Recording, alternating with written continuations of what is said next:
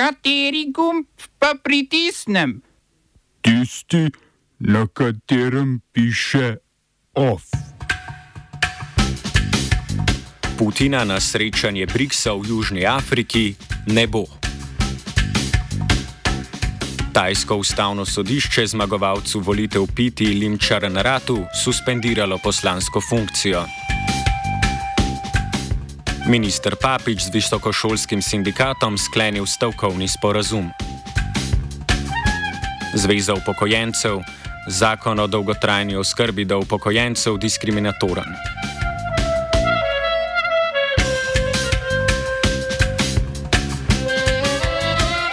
Iz pisarne južnoafriškega predsednika so sporočili, da se ruski predsednik Vladimir Putin ne bo udeležil avgustovskega vrha predstavnikov držav BRICS. Na mesto Putina se bo vrha Zveze držav z gospodarstvi v sponu udeležil zunani minister Sergej Lavrov. Ker je Južna Afrika podpisnica rimskega statuta, bi morala ob morebitnem prihodu ruskega predsednika retirati zaradi tiralice Mednarodnega kazanskega sodišča. Sodišče je nalog za aretacijo Putina izdalo zaradi obtožb o deportacijah in premeščanjih ukrajinskih otrok z osvojenih ukrajinskih ozem območij. Aretacijo Putina je južnoafriški predsednik Cyril Ramaphosa označil za neizvedljivo, saj bi po njegovem pomenila vojno napoved Rusiji.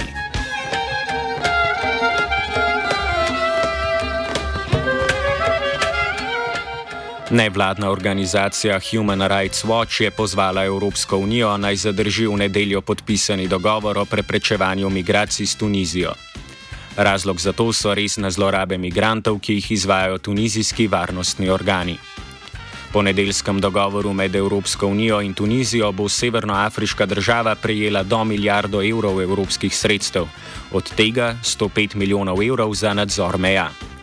Več o sporazumu med Tunizijo in Evropsko unijo ter tunizijski obravnavi migrantov v offsajdu ob petih.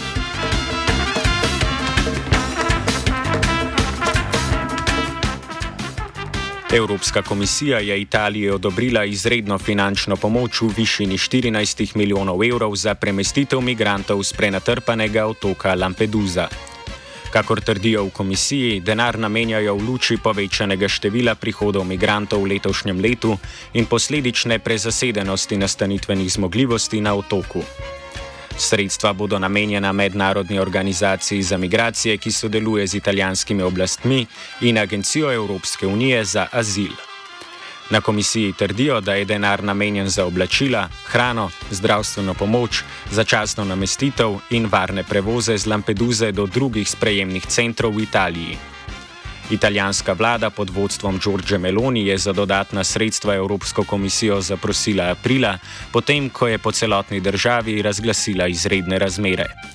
Tedaj je vlada trdila, da denar potrebuje za premestitev ljudi z Lampeduze.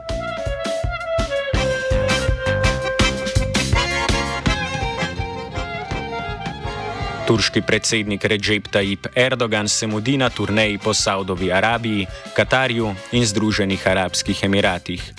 S saudskim princem Mohamedom bin Salmanom je podpisal dogovor o prodaji turških vojaških dronov. Vrednost dogovora in število dronov nista znana, a Haluk Bajkratar, direktor podjetja Bajkar, ki drone proizvaja, je izjavil, da gre za največjo obrambno in letalsko izvozno pogodbo v zgodovini Turčije. Namen Erdoganove turneje je zbrati tuj kapital za državo, ki ima rekorden proračunski deficit. Junija je narasel na 7,5 milijarde evrov, kar je sedemkrat več kot pred letom dni. Turški parlament je čez vikend že sprejel dodaten denar za turški proračun in sicer 38 milijard evrov. Zvišal je plače 5 milijonom javnih uslužbencev in izplačila 16 milijonom upokojencev, a hkrati zvišal tudi davke. Potrojili so denimo davek na goriva, kar je cene goriva dvignilo za približno 20 odstotkov.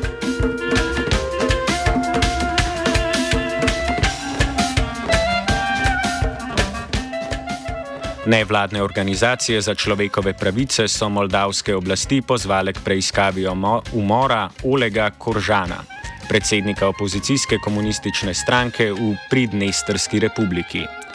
Koržan je bil po trditvah nevladnih organizacij najglasnejši kritik Ruski, Rusiji naklonjene vlade.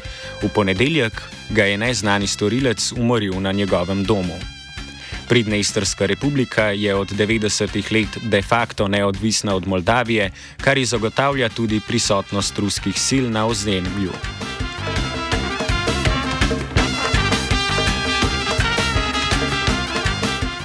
Tajsko ustavno sodišče je vodje največje stranke v spodnjem domu parlamenta in kandidatu za predsednika vlade Piti Limčarenratu suspendiralo poslanski mandat. Pita ima delnice v zdaj neaktivnem medijskem podjetju. Tajska ustava poslancem prepoveduje lastništvo v medijih. Še vedno se bo lahko potegoval za funkcijo predsednika vlade, a na današnjem drugem glasovanju ne bo smel sodelovati.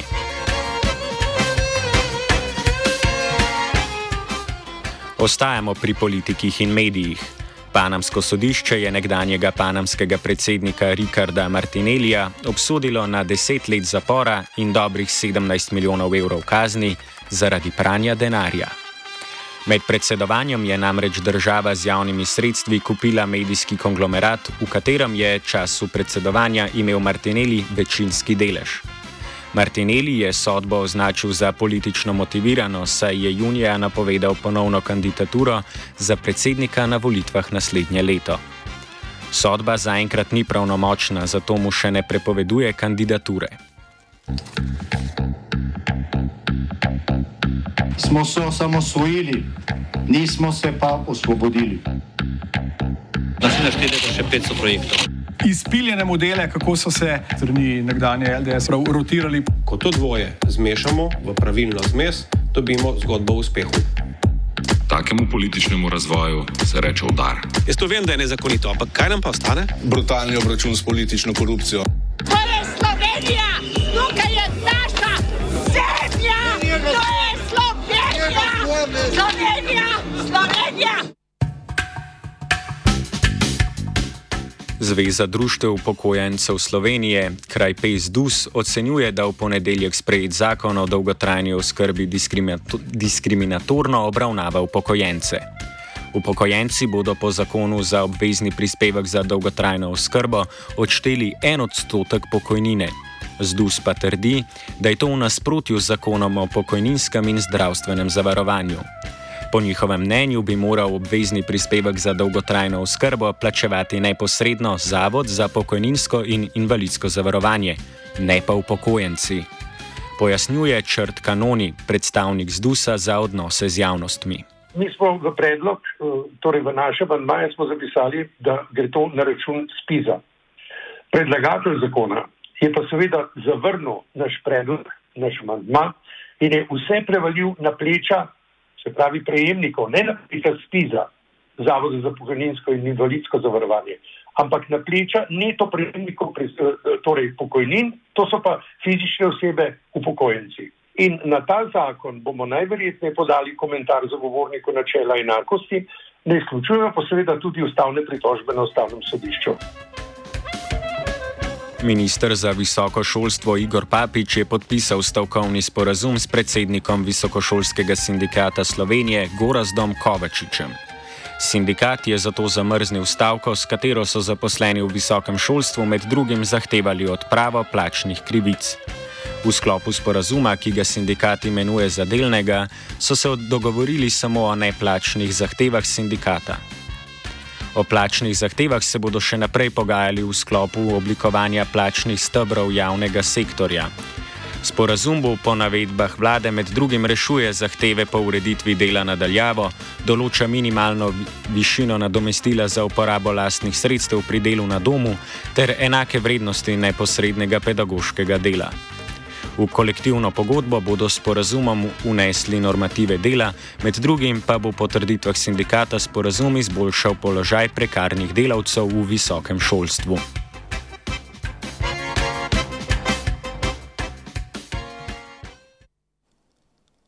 OF je pripravil Tilan, pomagal je Martin.